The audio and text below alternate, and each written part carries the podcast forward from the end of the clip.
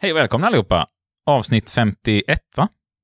Mycket möjligt. Det bör det vara om våra matematik är rätt här nu. Vi ligger lite... Vi ligger bra till inspelningsschemat nämligen.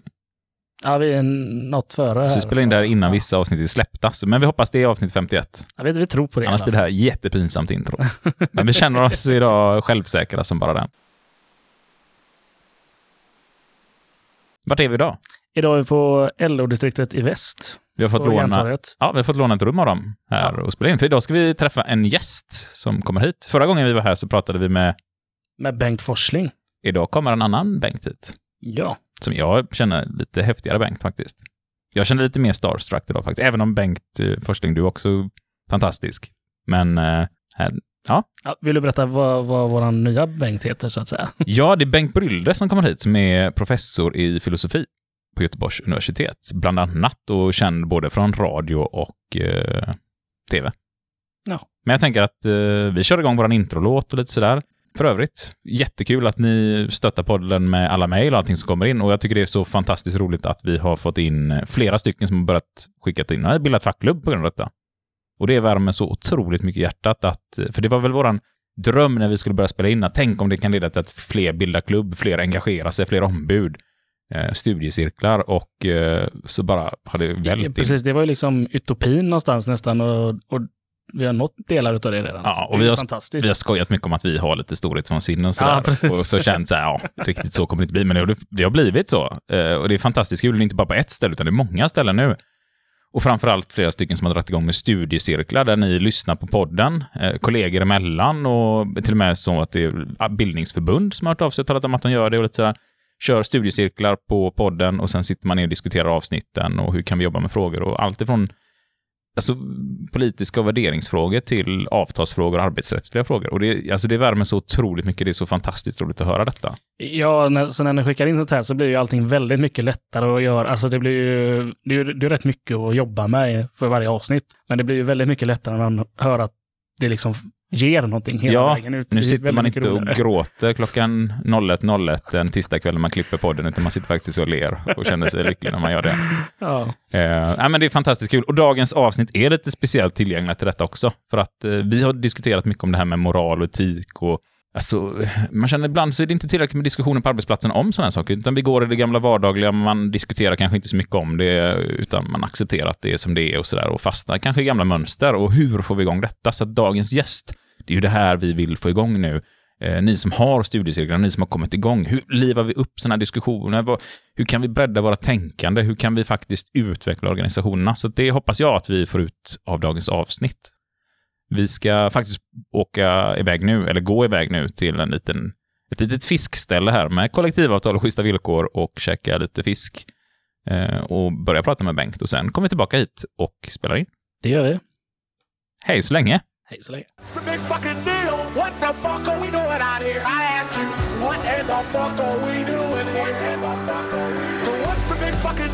What the fuck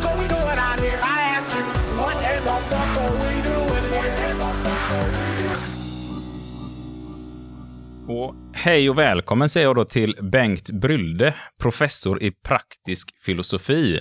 För er som lyssnar så har ni säkert hört honom som moralexpert i moraltestet i Christer. Eller kanske Filosofiska rummet på Sveriges Radio. Sett honom i tv Jakten på lyckan på Sveriges Television. Eller läst någon av alla böcker som du har skrivit. Du har skrivit böcker om Lev hela livet, hur viktigt det är att vara lycklig. Du har skrivit en hel del om etik och moral och du håller på med en ny bok nu, fick vi höra här. som- Jag blir just klar med en ny bok. Om, om rättvisa. Det tänkte jag vi kanske kan glida in på lite senare. Det ju hoppas jag att vi gör, ja. Spännande ämne som jag vet att våra lyssnare verkligen brinner för. Mm. Ehm, Jag Ja. tänkte börja ställa en fråga, för du har ju skrivit om mycket om lycka och jobbat mycket med lycka. Och när vi mejlade dig för att fråga om du ville vara med så svarade du för att det kändes både kul och meningsfullt. Så det, första frågan är, är det viktigt att göra sånt som är kul och meningsfullt, att man reflekterar över det? Absolut. Det är det. Sen är det inte alltid, alltså, sen tycker jag att det faktum att någonting känns meningsfullt, det räcker gott alltså. Det måste inte dessutom göra mig lycklig. Jag kan inte påstå att jag är lycklig av att vara här nu. Men, men det känns bra, liksom. Det känns meningsfullt att, att bidra till ett sånt här eh, fräckt initiativ som ni har tagit. Det tackar vi så jättemycket för. Det gör oss lyckliga att höra i alla fall. Ja, ja. Eh, Jag tänkte börja, du är här för att prata lite om moral och etik och jag tror vi kommer sväva iväg i allt mellan himmel och jord där. Men om vi ska börja liksom så här förklara begreppen moral och etik, kan du som professor göra det på ett lättbegripligt sätt här? Ja, men vi kan väl börja med det här med vad, som är, vad, vad en moralisk fråga är för någonting. Alltså, för att vi, vi, alla, alla människor har ju en, någon typ av moraluppfattning och det är ju i grova drag en uppfattning om rätt och fel, hur man bör och inte bör handla i olika sammanhang. Man, man tycker att det är fel att uh, utnyttja andra människor, man tycker det är fel att ljuga, man tycker det är fel kanske att äta kött uh, eller fel att resa eller vad det är. Så här, rätt och fel alltså. Och då kan man säga, det, det, är ju det, som, det är ju det som är moralfrågorna då. De har, en, de har den karaktären. Vad är, vad är rätt, vad är fel? Och framförallt hur avgör vi vad som är rätt och fel att göra? Och det är ju där som moralfilosofin kommer in då, eller etiken. Den försöker ju ge oss någon slags eh, principer eller någonting som vi kan använda oss av när vi ska ta ställning då i olika frågor. Va? Som en form av vägledning. Ja, precis. Man, man söker ofta ett antal sådana här generella principer då, va? som av typen, alltså gör alltid det som har bäst konsekvenser eller, eller skada aldrig andra eller något sånt där. Va? Man, man, försöker ge, man försöker hitta ett antal sådana principer som, som kan ge oss vägledning när vi står inför svåra beslut. De flesta beslut vi ställs inför till vardags kanske inte är sådär jättesvåra. Va? Men ibland så ställs man ju inför beslut som är så svåra så de nästan kan kallas för dilemman. Det kan kännas som att hur jag än gör så blir det fel alltså. Men eh, det är väl det korta svaret då. Sen, sen, kan man väl också tillägga då att när man pratar om etik och moral då, då tänker man ofta att, att den relevanta aktören här är en individ. Att den här frågan ställs på individnivå alltså. Så frågan är liksom, hur ska jag, eller du, eller han, eller hon, eller hen agera i sånt här läge? Men det finns ju också egentligen, eh, om, man, om man vill vidga moralbegreppet lite, så kan man ju säga att det finns ju även kollektiva moralfrågor, alltså, som handlar om hur vi bör agera i olika sammanhang. Och det här viet kan bli väldigt eh, spretigt och det kan vara väldigt oklart vilka som ingår i ett vi. Men det är ju ändå så att om man är till exempel en, en fackförening eller om man är ett företag eller en annan grupp så kan man ju också ställa den frågan på gruppnivå. Alltså, hur ska vi? Vad ska vi göra här nu för att handla rätt och så? Man kan till och med ställa den på samhällsnivå. Alltså man, kan, man kan fråga sig hur bör Sverige agera i ett internationellt läge nu som kännetecknas av klimatkris och världsfattigdom och ett omfattande förtryck och flyktingströmmar och så. Och då är det ju Sverige som är aktören, det är ju också en slags etisk fråga alltså. Men det viktiga är att det är en bör-fråga. Hur bör man och hur bör man inte göra? Och varför? Varför tror du att det är viktigt för människan överlag med det här med moral? Alltså jag, tror ju att, jag tror att vi skulle ju aldrig kunna leva tillsammans i samhällen om vi inte hade haft en moraluppfattning. Så jag tror att, jag tror att eh, någon typ av minimal gemensam moraluppfattning krävs liksom. Alltså, man skulle ju kunna tänka sig i och för sig att det räcker med lagar som upprätthålls av en eh, stark stat med våldsmonopol och sådär. Men det skulle ju aldrig gå alltså. Att, att liksom, att bara upprätthålla ordningen och, och harmonin i samhället och sådär med, med hjälp av lagar och våldsmakt, det går ju inte. Alltså det, det krävs ju någonstans att, att vi internaliserar någon idé om hur man ska bete sig och sådär. Annars kommer en massa fackföreningar och förstör det där. Det kanske är det. Nej, men sen, sen, är det viktigt att säga ändå, tycker jag, historiskt också hur, hur, hur moralen har förändrats. För att den här, det som jag ibland kallar för ökenmoralen då, det, det är liksom, det är ju våran mag, magkänslomoral då. Va? Den är ju väldigt mycket från öknen för 2500 år sedan. Alltså det är tio Guds bud och sådär va. Du ska inte dräpa, du ska inte vara otrogen, du ska inte ljuga, du ska inte det och det och det och det. Och sådär. Det, den etiken den sitter ju liksom väldigt djupt i oss. Va? Och det är väl kanske den etiken som är som allra mest nödvändig för att, som ett kitt i ett samhälle då. Men sen finns det ju en massa moderna moraliska frågor som har att göra med, som liksom inte kan dyka upp. De, de kan liksom aldrig uppstå de frågorna i sådana här små lokalsamhällen som i Mellanöstern för 2500 år sedan. Va? Där var det ju mer att ta inte din nästas boskap, eh, ta inte din nästas hustru, ljug inte, dräp inte och var, och var schysst om det kommer någon vandrare förbi och var gästfri och sådär. Det, det, det, det räckte liksom då. va. Men idag liksom när vi när, när varenda konsumtionsbeslut är laddat. Liksom, va? det, hur, hur har arbetsförhållandena varit i de här länderna? Var kommer mina jeans ifrån? Liksom? Bangladesh? Shit, hur ser arbetsförhållandena ut där? Och har, har jag någon klimatpåverkan med det här och det här beslutet? Så, alltså, nu lever vi liksom i en, vad man ibland kallar för en kollektiv tidsålder. Där ofantligt små och till synes oskyldiga beslut tillsammans kan göra jättestor skada för miljön eller för... Påverkar en hel värld egentligen. Ja, men det är liksom inte jag som gör det. Utan det är liksom det är du och jag och den och den och den tillsammans. Liksom. Du väljer att ta bilen och jag väljer att åka på semester till Thailand. Och, och han äter kött och hon gör det. Och så så de, alla de här besluten tillsammans då kan ställa till ganska stor skada. Och där kan man ju se att den här ökenmoralen räcker ju inte till alls. Den ger ju noll vägledning i den typen av eh, frågor. Ja, I ett tidigare avsnitt så pratade vi lite om, eh, dels kopplat till konsumtion, men också arbetsmiljön på arbetsplatsen, att det är omöjligt att hålla koll på alla de här kemiska ämnena som kommer och nya ämnen. Hur påverkar de oss? Hur påverkar de miljön? Ja, Eh, och det går liksom inte att vara så medveten som konsument. Och det räcker nästan att man ska gå och handla eh, en tröja eller mjölk i affären. Eh, Ja. och, så, och någonstans har jag hört att det är, nu, får ni ta siffrorna med en nypa salt, men 20 000 beslut om dagen en människa i dagen samhället tar ungefär. Man är omedveten om de allra flesta besluten man tar. Och det kan vara allt ifrån eh, man håller på att krocka med någon på gatan, ska gå till höger eller vänster, till vilken mjölk ska jag köpa. Och här, här kommer vi in lite på det här då med moral och etik. Eh, och jag har hört dig prata om detta innan. Vi måste, eh, vi måste börja göra någonting, vi måste förändra något. Och då brukar du säga, vilka är de här vi? mm, vilka är vi? Ja? Blir det liksom nödvändigt i dagens värld att man måste väga in moralen till politiken för att kunna få en förändring i vårt samhälle? ja, nu är det egentligen två frågor här som, som måste hållas isär. Det är liksom vilka är vi och det är, vilka, och det är liksom relation mellan moral och politik. Och de här två frågorna hänger ju ihop, men jag börjar med den sista då. Ja, Ko- kopplingen moral-politik. Man kan väl säga så här att eh, ibland ställer man ju moral mot politik. Jag, jag minns när Alf Svensson var ledare för KD. Han pratade ju väldigt mycket om etik och moral, etik och moral, etik och moral. Och, och där var väl tanken mer att, att, att individen genom att fatta moraliskt kloka eller högstående beslut skulle liksom göra vissa delar av, alltså skulle göra de politiska regleringarna lite överflödiga på vissa områden. Va? Så man kanske lägger vissa saker på individen. För det är ju så att som individ, när jag, när jag ska fatta mina beslut, när jag ska, om det nu är 20 000 eller 20 om dagen, så har jag massa saker att förhålla mig till. Och en sak som jag har att förhålla mig till, det är ju, det är ju liksom samhällets regelverk och lagstiftningen och så. Att det finns lagar som, som eh, talar om för mig att jag ska betala skatt, att jag ska stanna vid rött ljus och så. Det är ju något jag måste förhålla mig till och jag tycker ju att det är, ett rim, det är, det är en rimlig utgångspunkt för etiken att jag lyder lagarna, att jag följer lagarna. Sen tycker jag att man i vissa fall kan få, kanske få bryta mot lagen om det finns väldigt goda skäl till det. Alltså, om det är så här uppenbart orättfärdiga lagar och så.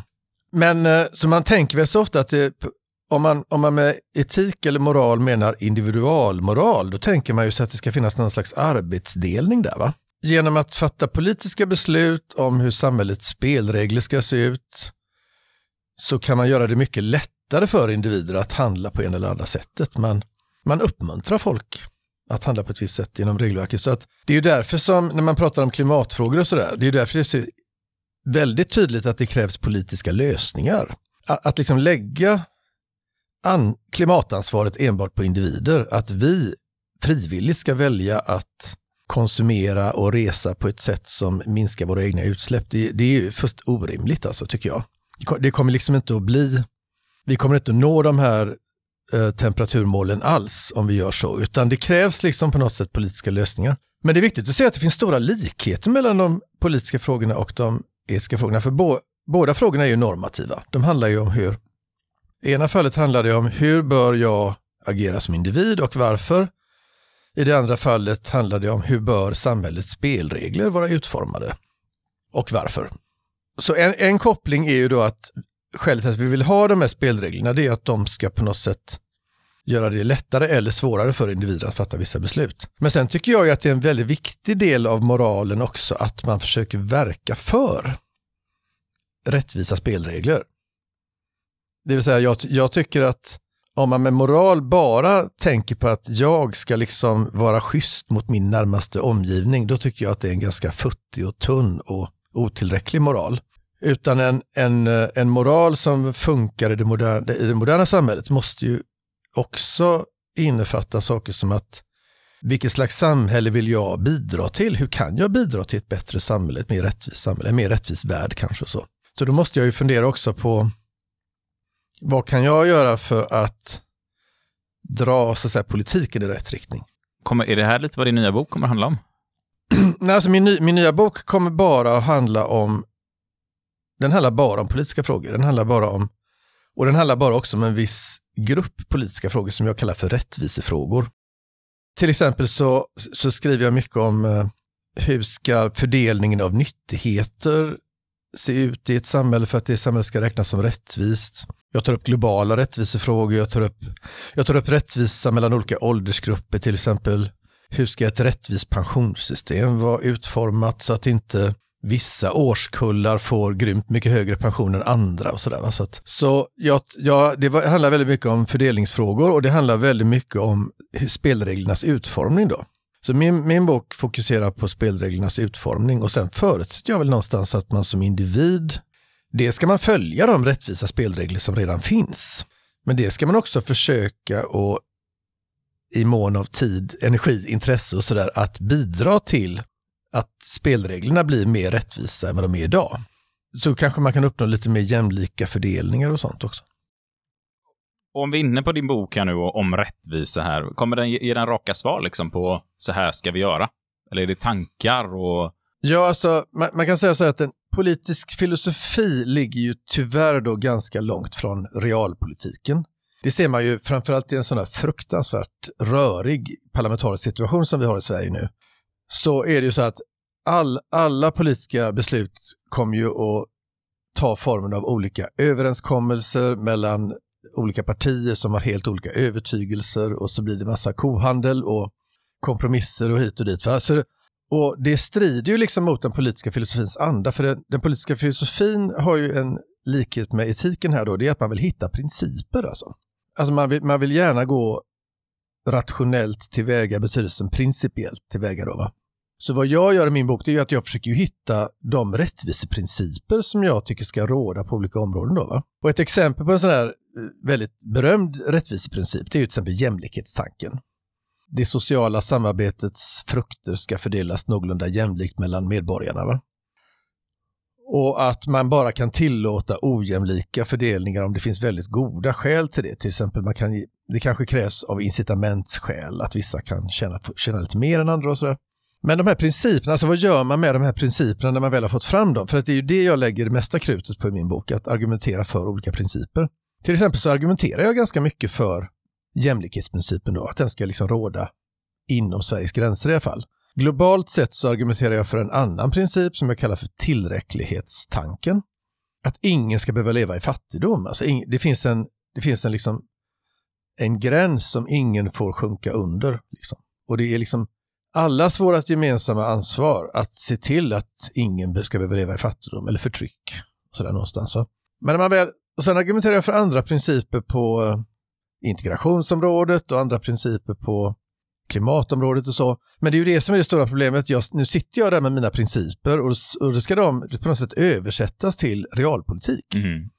Och det kan man ju naturligtvis sitta då vid sitt skrivbord och se att ja, men för att jämlikhetsprincipen ska kunna förverkligas så krävs det ju liksom någon typ av eh, fördelningspolitik i ett samhälle. Det krävs liksom ganska höga skatter kanske och transfereringar till sämre ställda grupper och sådär.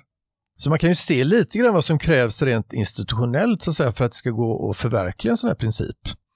Men i den här situationen vi har idag, alltså, det, känns, det känns så hopplöst på något sätt. För att det känns som att dels så vet jag inte om de politiska partierna är särskilt starkt vägledda av principer och visioner.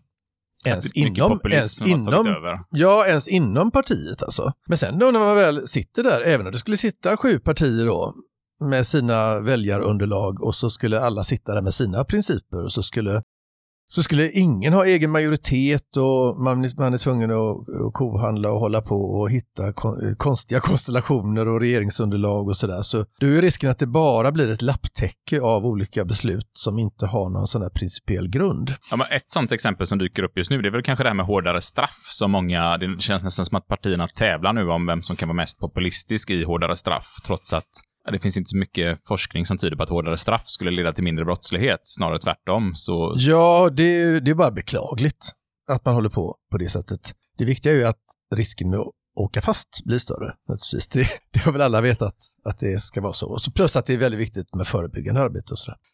Nu, nu skriver inte jag just min bok särskilt mycket om, om eh, straffrättsrättvisa. Utan snarare rättvisa kanske de saker vi vill ha rättvisa i. Jo, men vi vill ju ha rättvisa även på straff Nej, helst inte ha några som område. Vi, vi, vi, många har ju en slags idé att, att det finns något sånt som rättvisa straff, att, det, att uh, allvarliga brott ska ge hårdare straff och sådär. Det är väl de flesta överens om.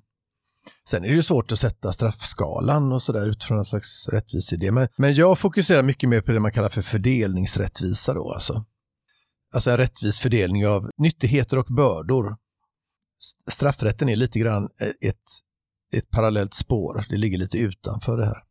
Utanför fördelningspolitiken. Och utanför den traditionella vänster-höger-skalan skulle jag säga också.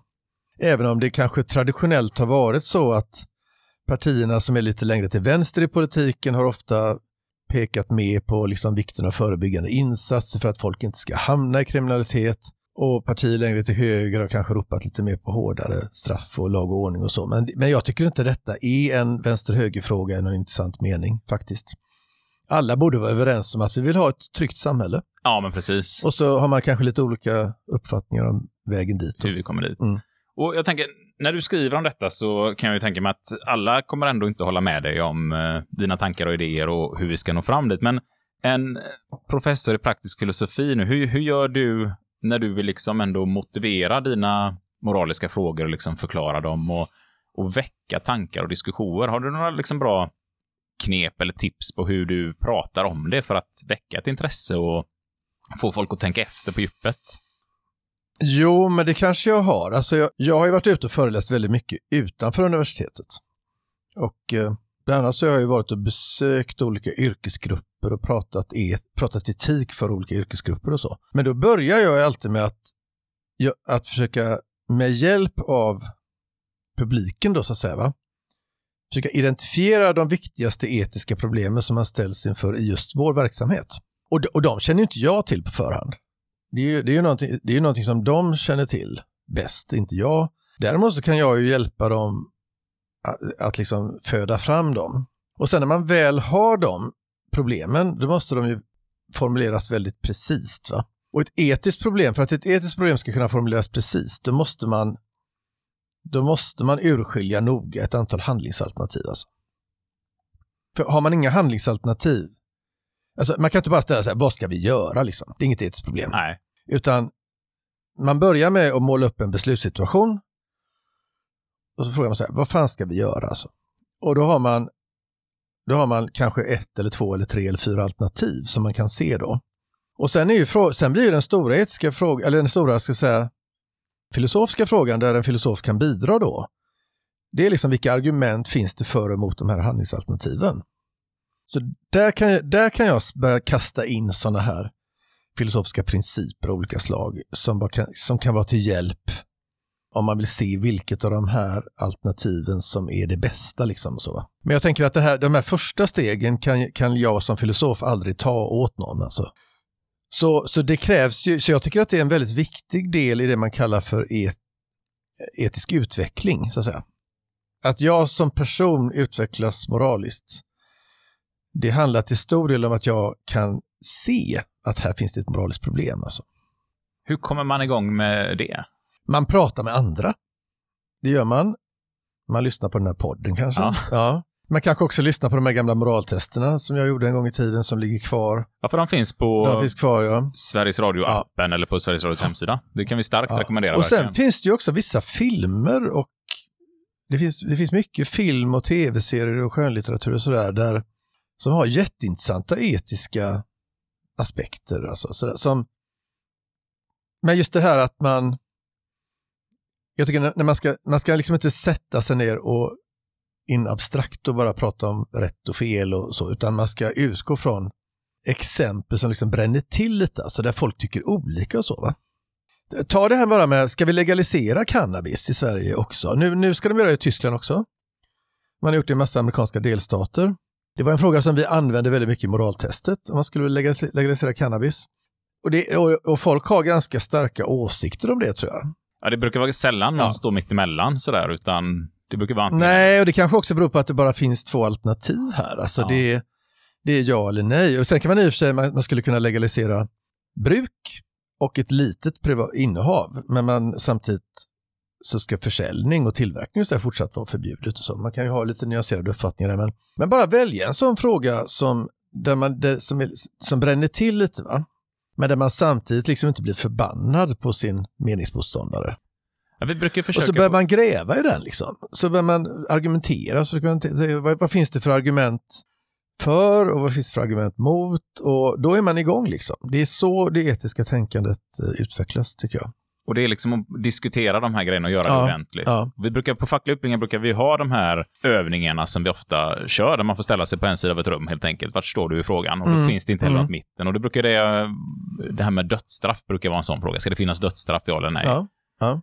Eh, Men ibland händer det ju på Man kan ju också låta folk argumentera för en åsikt de inte tror på. Ja, Det, ju, det kan vara väldigt utvecklande. Det, det, det har jag kört ibland som retorikkurs Mm, jag håller, mm. att man ska försöka antingen sälja en produkt som är totalt värdelös, som man inte tror på själv, Mm. eller en politisk åskådning som man själv kanske inte står Ja, för. ja. Eh, För att ändå träna på att hitta argument försöka förstå sig på hur andra människor tänker som tycker Ja, på det precis, sättet. precis, precis. Ja. Har, har du några tips på, liksom, när man hamnar i en sån här diskussion, om man vill sitta och diskutera med sina kollegor på jobbet, exempelvis ett, en moralisk fråga, och det, ja, men det tar stopp med en gång. Folk bara säger förbjud, förbjud. Och så blir det inget, det blir ingen levande diskussion av det. Du menar, vad gör man då? Va, vad gör man? Har du några tips? Nej, men alltså jag, jag, jag kan inte se den andra vägen och bara fråga varför? Varför Ja. då? Varför då? Varför då? De här fem varförna som brukar skapa både irritation, men så till slut brukar man få fram lite åsikter till slut.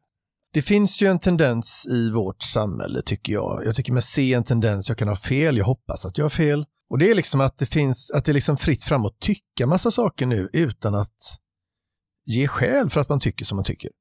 Liksom, jag tycker si och jag tycker så. Och som filosof så, så, så, så får man ju krupp då, alltså för att man vill ju liksom att hos oss är det ju väldigt, väldigt högt i tak. Så länge du kan ge ett skäl. Alltså. Och det, och det är just det där att ge ett skäl för fasen. Och om jag minns tillbaka på moraltestet så var det ju så att alla som blev intervjuade i moraltestet, det var inte jag som gjorde intervjuerna själv, utan jag gjorde bara liksom analyserna. Men där kan man se väldigt tydligt att alla som ställde upp på dem, de gick ju med på de här spelreglerna att eh, ge skäl för sina uppfattningar, alltså. Att liksom ge argument. Men så fanns det ett intressant undantag och det var det där med vegetarianism. Alltså. För det var en fråga som som nästan alltid var med i moraltestet, det var liksom, är det fel att äta kött alltså? Och då svarade nästan alla i programmet att det var, det var, nog, det var nog ganska fel alltså. Men jag gör det ändå. Mm. Det visar på något annat, för där hade de liksom skäl för sina uppfattningar då. Men sen lät de inte de skälen och de uppfattningarna slå igenom i det egna handlandet. Det var precis som att man man skapade liksom en slags fredad sfär, nämligen köttätande och den fick man liksom inte tafsa på. Eh, Vi kan sitta i studion och liksom tafsa på den, på den frågan, liksom med att ge skäl och ge argument och sådär. Men sen, sen går man liksom ut och gör det ändå och så, så säger man kanske till dem, men du tycker ju att det är fel, varför gör du det? Men då får ju, ja, det är väl mänskligt att göra fel ibland. Ja, det är, där får man ju inte hamna. Nu, nu flöt jag iväg lite. ja, men jag, tycker, jag tycker det är ett väldigt bra ja. exempel ändå för att få visa Ja. en bild av det, för den tror jag många Men, men det, viktiga är, det viktiga är ändå så att om man sitter i ett fikarum och snackar, då ska man liksom verkligen snacka till slut. Man ska inte bara sätta sig och tycka saker och, och sen bara sätta punkt, utan man, det bästa är väl, ty, ty, jag tycker ju att, jag tycker att man ska ha ett, alltså man ska ha väldigt högt i tak. Jag tycker att det ska vara tillåtet att uttrycka vilka åsikter som helst. Alltså, alltså även, även åt det bruna hållet till. Men då får man också ge skäl. Och, man, och då måste man också vara beredd på att andra kommer att argumentera mot. För att jag, jag gillar inte det här klimatet med att, att man bara tycker. För risken då är ju att om man tycker något som är obekvämt så kommer den åsikten aldrig att komma ut i offentligheten, kommer aldrig att prövas. Och så. så jag tycker det är bäst att eh, skapa ett liksom tillåtande klimat. Med att man får tycka väldigt mycket här. Men det är inte tillåtet att tycka det utan skäl. Alltså. Ja.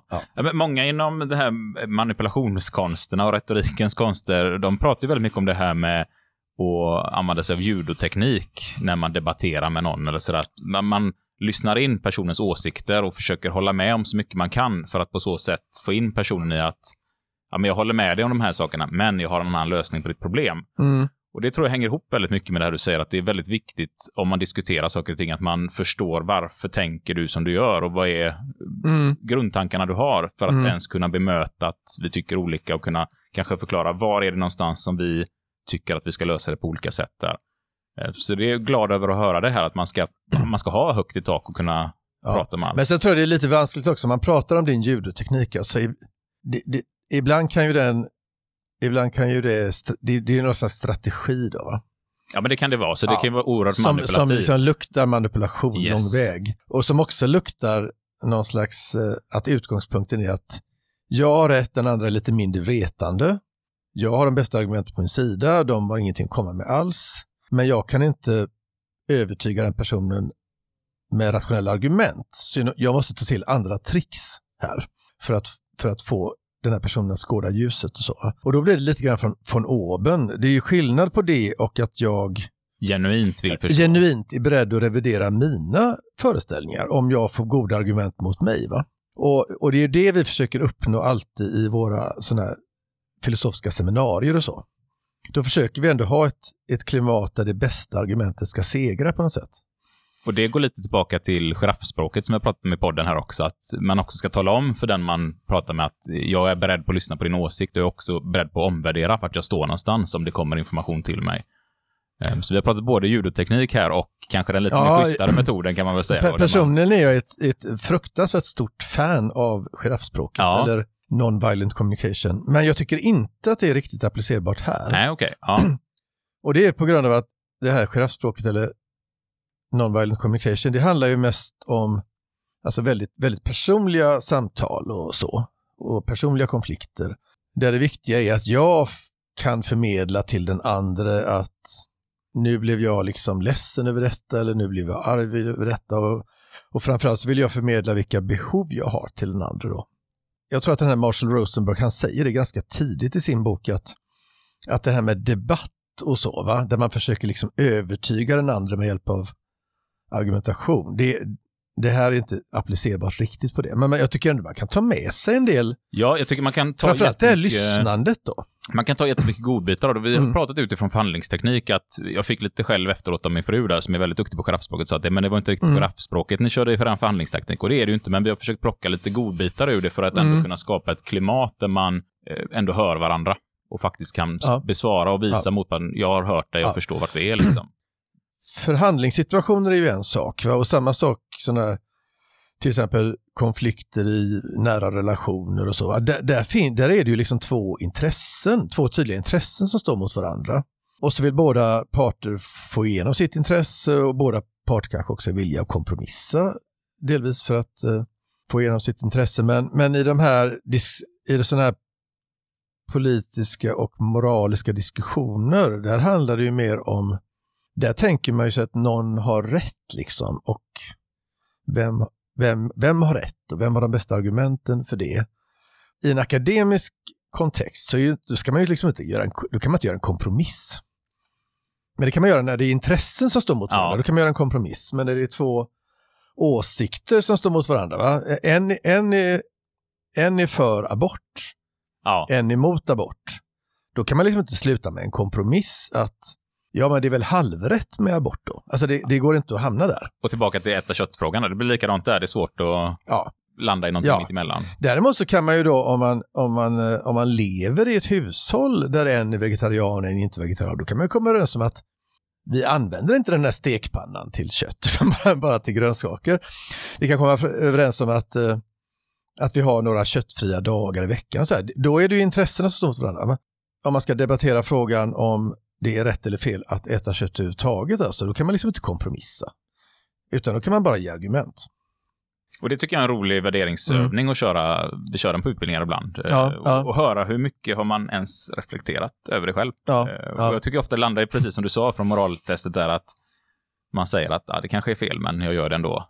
Eh, Och det, det är faktiskt att jag personligen själv började reflektera mycket över det och tog jaktlicens. Ja, För jag ja. anser någonstans att ja, men vi har rätt att göra det, men det måste gå till på ett så schysst och korrekt sätt som det bara ska och så naturlikt som möjligt. Eh, Och det fick ju ändå mig att helt sluta med att köpa dåligt kött helt Mm, enkelt. Sen kan mm. man debattera det, vad är dåligt och vad är bra kött? Finns det bra kött? Är frågan liksom. Men där landar jag ändå i en... Jo, men en det är, de, de, flesta, de flesta som eh, ägnar sig åt den frågan är väl ganska överens om att det här factory-farmade köttet då, alltså den här, alltså den moderna livsmedelsindustrin, det, det är eh,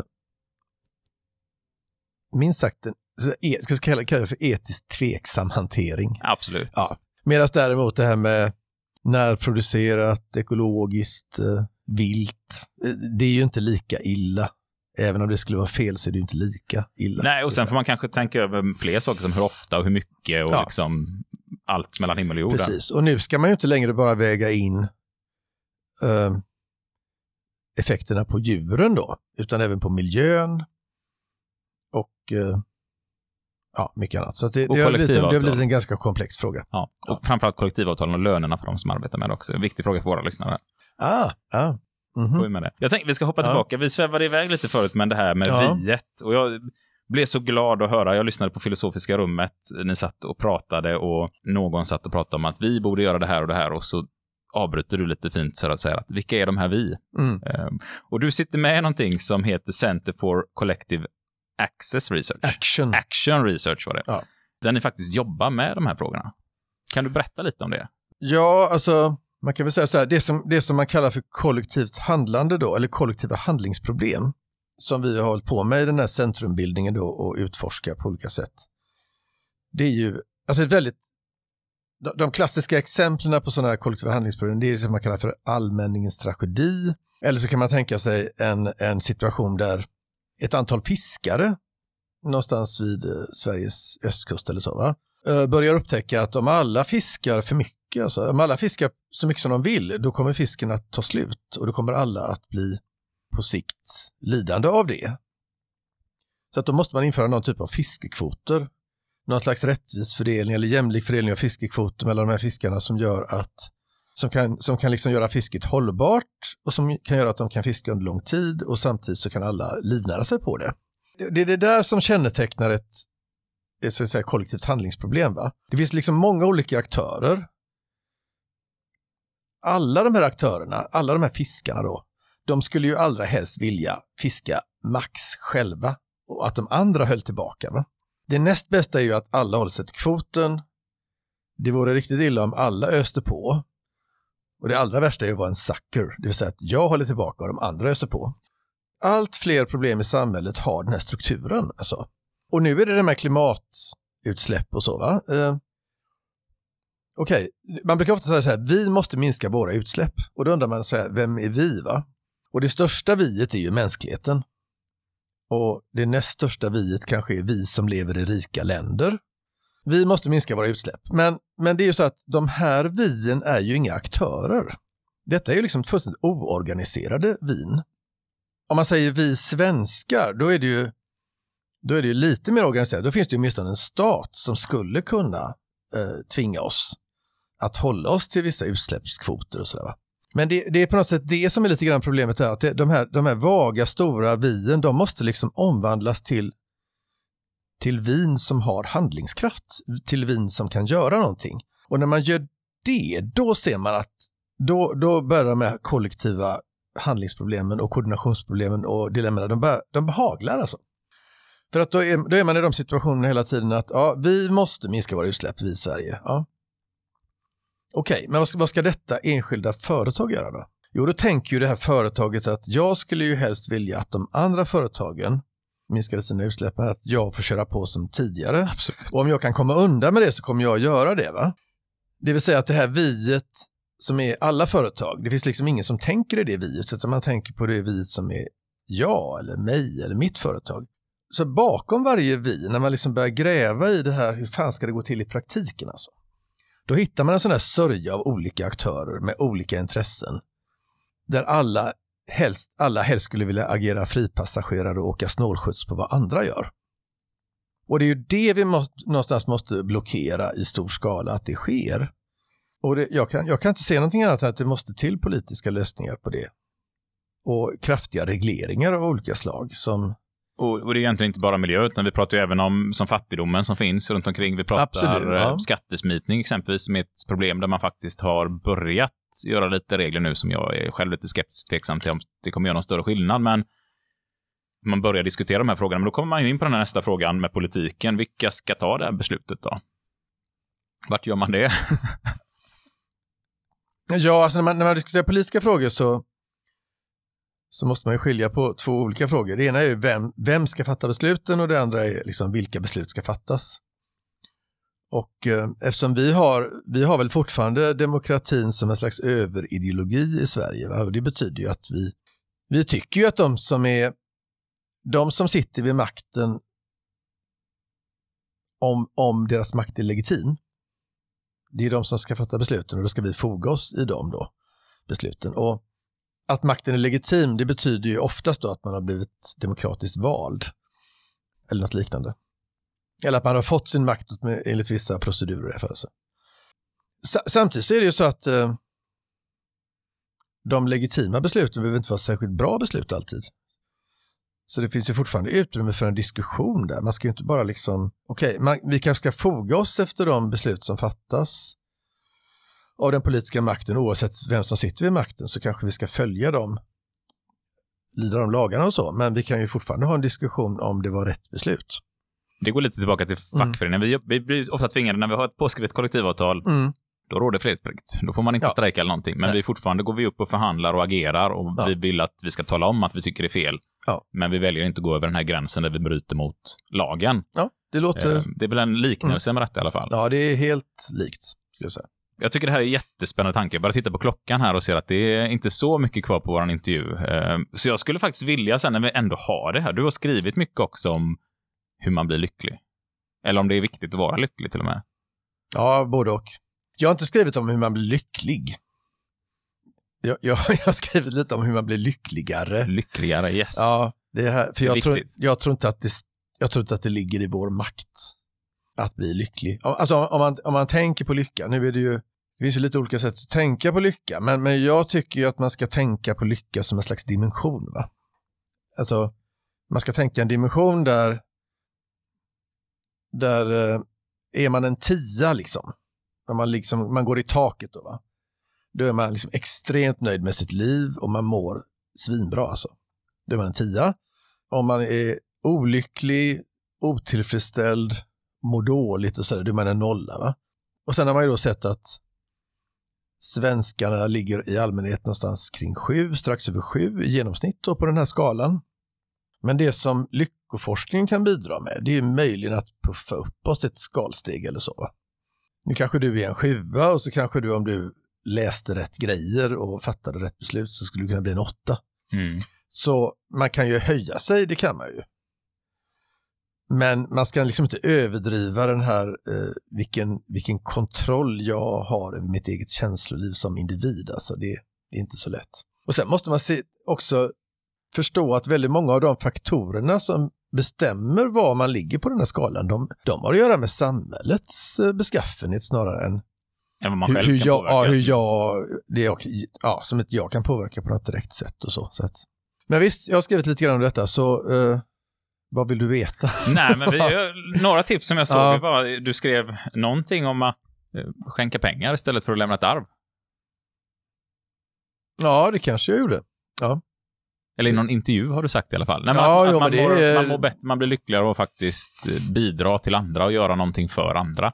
Ja, det, det, det, det, alltså, det får man ju tänka på den här, att den här lyckoforskningen då, eller happiness study som det heter på engelska, det, det är ju en, eh, då har man, man forskar ju på det sättet att man, man kanske delar ut en enkät till minst tusen personer, så får de fylla i en massa saker och så, så kan man liksom hitta intressanta samband då. Och då kan man se på statistisk nivå då, så kan man se den typen av samband att folk som arbetar ideellt och som eh, är lite lyckligare än andra. Och det beror antagligen på att de jobbar ideellt. För de här sambanden kan ju ibland bero på en, en slags tredje osynlig faktor. Det kan ju vara också så att det finns en tredje faktor som både gör en lycklig och får en att jobba ideellt. Men sen har man också sett sådana här intressanta eh, saker som att eh, konsumtion då har ju, alltså konsumtion över en viss inkomstgräns, alltså jag vet inte exakt vad det går, men säg 40 000 i månaden. Mycket av den konsumtionen som sker över den gränsen gör ju inte konsumenten lyckligare. Men de har ju också hittat sådana här små undantag då, som att, att det finns, om man konsumerar väldigt smart ur ett lyckoperspektiv, då kan man, kan man shoppa sig lycklig även vid extremt höga inkomster, men då måste man köpa saker till andra. Eller typ bjuda andra på middagar och så. Eller bjuda andra, då, då, för det kallas för prosocial konsumtion och den, den har man sett att den har mycket större, eller de större lyckoeffekter än om man köper liksom varor till sig själv. Då. Men det låter lite också som att göra en god gärning till någon, att det kanske är den biten som ger Ja, lycka. ja absolut. absolut. Så, att, så jag tror inte att det är helt utforskat ännu det här med vad det innebär att vara en social varelse. Alltså alla vet ju om att vi är sociala varelser i betydelsen att vi behöver andra människor och vi behöver vara nära andra människor och vi behöver nära relationer, vi behöver vänner, vi kanske behöver, vissa av oss behöver romantiska kärleksrelationer och sådär. Men, men det finns fler aspekter på det här med att vi är sociala varelser och också att hjälpa andra, kanske som vi inte ens känner kan, kan liksom få oss, ge oss kickar på något sätt. Tror du att är det viktigt att ha ett meningsfullt arbete för att känna sig lycklig? Ja, ja.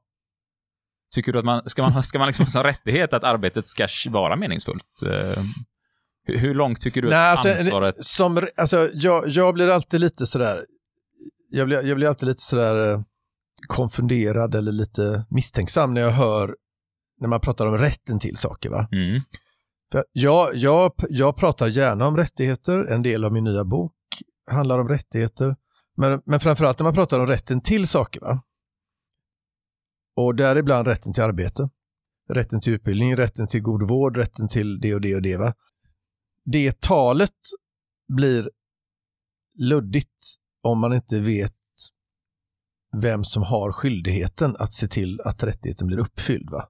Och och i fallet, i fallet eh, utbildning och vård och allt sånt där, där är det väldigt klart vem som har den skyldigheten. Det är liksom, det är vi som har den via vår stat. Men rätten till arbete liksom, det finns ju ingen enskild aktör som har, rätt, som har skyldighet att se till att du får ett arbete kanske. Däremot så ska ju staten verka för det. Att, eh, att det ska skapas arbeten och att arbetslöshet ska minska och sådär. Så, att, så jag vet inte om jag pratar om rättigheter, men, men jag tycker ändå att det är ju eh, ur lyckosynpunkt så är ju det jätteviktigt att ha ett arbete man själv uppfattar som meningsfullt. Det är till och med viktigt ur lyckosynpunkt att ha ett arbete som man inte uppfattar som meningsfullt. Det är bättre än inget arbete alls, nämligen för de allra flesta av oss. Det som bestämmer i första hand tror jag om ett arbete är meningsfullt eller meningslöst, det är ju liksom det är liksom vad man gör och vad man åstadkommer i sitt arbete. Är, är detta liksom en samhällsnyttig verksamhet eller är det någonting annat? Men sen kan ju arbetet så här kännas meningsfullt eh, i kraft av att det finns en arbetsgemenskap och sånt där också. Va? Men då är det inte själva arbetsuppgifterna längre som är meningsfulla. Men det, det, det verkar ju som att när det gäller de här, de här jobben som då ofta brukar betraktas som meningslösa, alltså, där är ju arbetets sociala aspekter väldigt, väldigt viktiga. Att man har det liksom trevligt på jobbet? Ja, och- att man har liksom goda relationer till sina arbetskamrater och att det finns en slags sammanhållning och gemenskap på arbetsplatsen och så. Tror du att det är mindre viktigt om man har ett jobb där det är tydligare att man ger en men- alltså själva yrket ger en mening i sig? Jag tänker en läkare Ja. som direkt kan se att jag har räddat ett liv. Ja, det tror jag. Det, det, det, är, inte, det är ju inte oviktigt. Alltså, arbetsgemenskap är ju aldrig oviktigt. Men jag tror, jag tror, som du säger, jag tror att det är mindre viktigt om jag, om jag känner att det jag gör är så himla viktigt och att det kan rädda liv till och med i extremfallet då, då, då måste ju det ge en djup tillfredsställelse tänker jag, även om det inte finns goda arbetskamrater som står och applåderar vid sidan om. Så. Nej, då kan man själv gå hem med ett eh, gott hjärta. Som sista fråga skulle jag vilja säga då. ja, ja. Eh, ditt eget jobb och allt du gör, känns det meningsfullt och känns det som ett, ett, ett bra jobb att ha som ger dig lycka liksom, eller meningsfullhet? Jo, men jag, jag, är, ju- jag är ju väldigt privilegierad. Alltså jag, har, jag har ju ett vi som jobbar inom akademin, vi har ju, ett väldigt, vi har ju väldigt fria arbeten. Det är ju sig inte meningsskapande att det är fritt.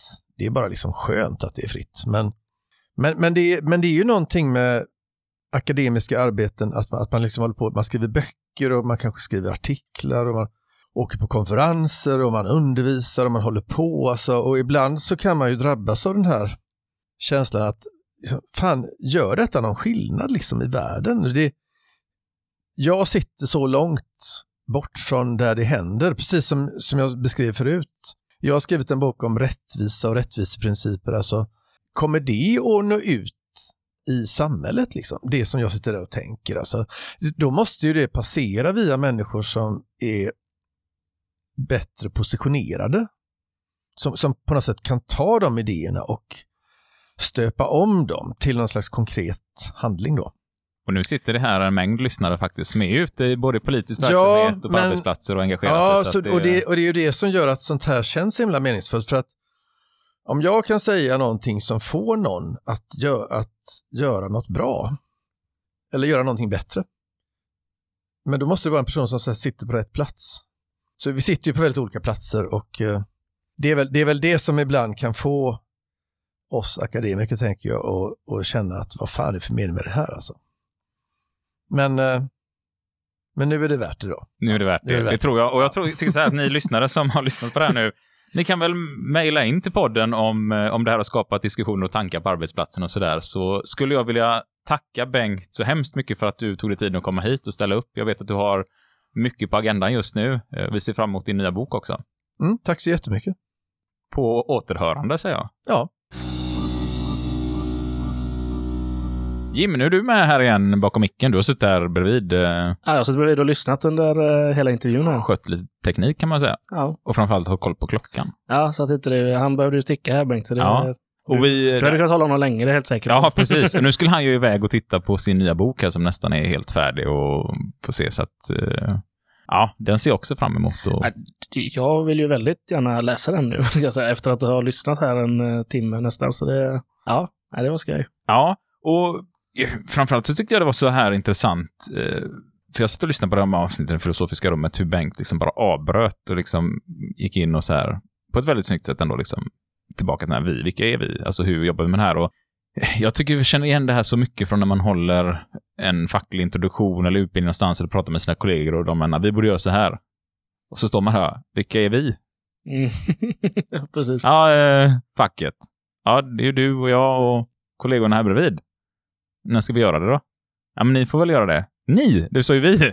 Alltså lite så här. Nej, men tillbaka till detta. Vi, man, man reflekterar kanske inte alls mycket över det här, men vilka är vi och vart ska vi ta det beslutet och hur gör vi det och vad krävs av oss och sådär. Och där tycker jag att vi som fackförening behöver bli Vi som fackförening. Ja, nu sa jag det. Vi, nej, men vi som fackförening behöver bli tydligare med vilka är vi hela tiden. När vi säger vi, vilka är det vi menar då?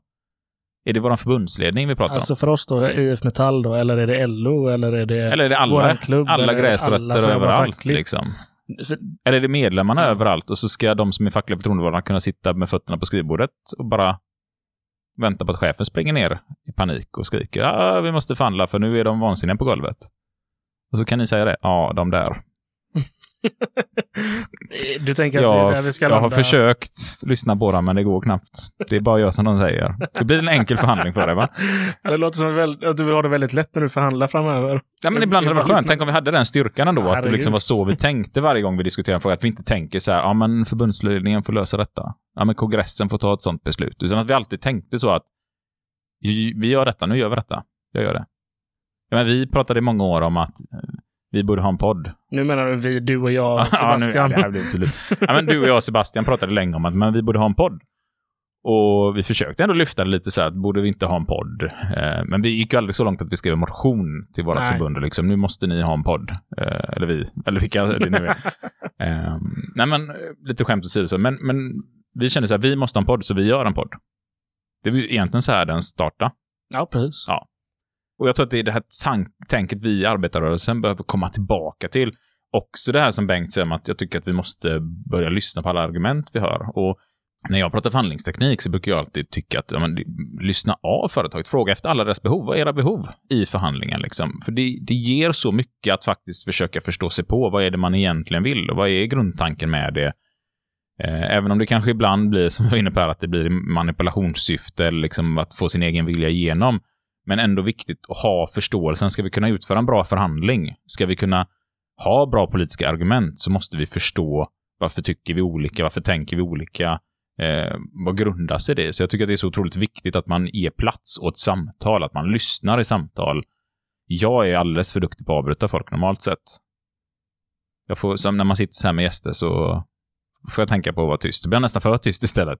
Men det är jätteviktigt att lyssna och inte alltid ta åt sig. Eh, Bengt skojar lite efter vi var klara med inspelningen, så skojar han lite att han har fått ett, ett eh, argt brev eller mejl en gång eh, från någon som hade lyssnat på honom och tyckte så här liksom att och då kanske man ska börja reflektera, varför blir man så arg över att höra en persons tankar och värderingar och åsikter? Istället för att bara försöka ta det som okej, okay, nyfikenhet, liksom varför är det så här, varför tänker man så här?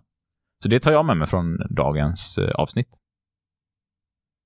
Vad tar du med dig mer än allt det du har tagit upp?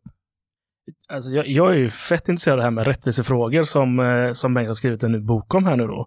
Eh, alltså, jag vet ju, du pratar ju ofta om självkänsla som, alltså hittar alla självkänsla så här, så, så det är lösningen på typ världens problem liksom. Men jag har ju en ja, övertro ja, till det. Jag förstår att det inte är ja, så nej, enkelt. Men, men... Så här, man, man pratar om det, men, här, men jag har den bilden av rättvisa. Hade vi haft en helt annan bild av vad rättvisa är, Eh, så tror jag att världen hade blivit väldigt mycket, eller kunnat se väldigt mycket annorlunda ut, eller väldigt mycket bättre, så att säga. Ja. Eh, så den kommer jag definitivt läsa, och det ska bli jätteintressant. Men, men det är ju lite, går vi tillbaka till Maslows behovstrappare, alltså det är klart att har man fått sina fysiologiska behov tillgodoställda, eh, man har funnit en trygghet och en gemenskap, men då kan man ju börja reflektera över de här grejerna. Det är klart, då är det lätt att tänka att ja, men då kan vi börja jobba med självkänslan och stärka den, och då kommer individer inte kränka sig själva genom att gå med på vad som helst.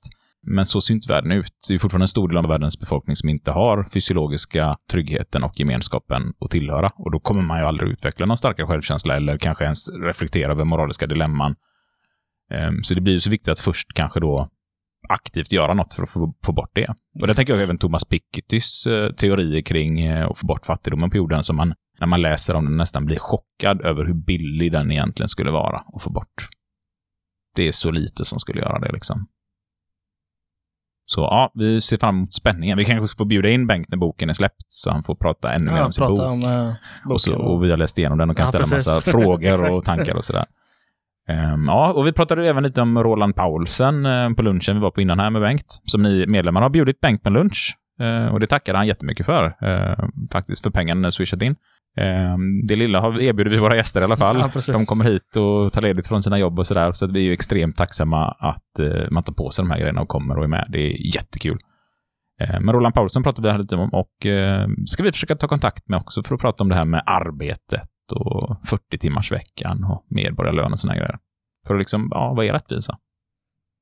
För du har läst hans böcker, eller hans bok, eller jag en av hans böcker. en i alla fall precis. Och min fru har precis läst en annan med henne och börjat diskutera med mig här hemma. Så att, eh, det blir upp till mig att sätta mig och läsa lite nu. Ja, ska vi säga tack och hej till alla er lyssnare. Vad roligt att ni har varit med och lyssnat idag igen. Eh, vi gjorde inget firande av vårt 50 avsnitt. Så vi kan väl försöka fira avsnitt 52 eller 53 då. Ska vi ha en sån grej? vad, vad vill du göra då, tänker du? Ja, vi firar på något sätt gilla oss, dela oss, följ oss eh, och framförallt eh, gå, lyssna eller läs någon av Bengts böcker och, eller gå in på Sveriges Radio och eh, lyssna på det här moralpasset. Så hörs vi. Absolut. Medlemmar kan ni bli i föreningen ja, med. Precis. Och det hittar ni i texten till avsnittet så hittar ni swishnumret. vi lär oss aldrig. 1, 2, 3 någonting är det i alla fall. Det börjar så. Det gör det. Ha det gött. Ha det gött. Hej då. Fuck are we doing here? So what's the big fucking deal? What the fuck are we doing out here? I ask you, what in the fuck are we doing here? Nästa vecka, eller det blir inte vecka. Du Nej, nästa avsnitt. Du tittar arg på mig när jag sa det. Ändå så, jag, vi pausade här och så sa vi kan ju säga vad vi ska göra nästa vecka. Så säger Jim så här, det är inte nästa vecka, det är nästa avsnitt. Och så säger jag ändå nästa vecka. Det är lätt hänt. Det är lätt hänt. Men nästa avsnitt så kommer vi att prata lite moralpsykologi och ändå lite tankar och reflektioner från det Bengt har sagt också. Det gör vi.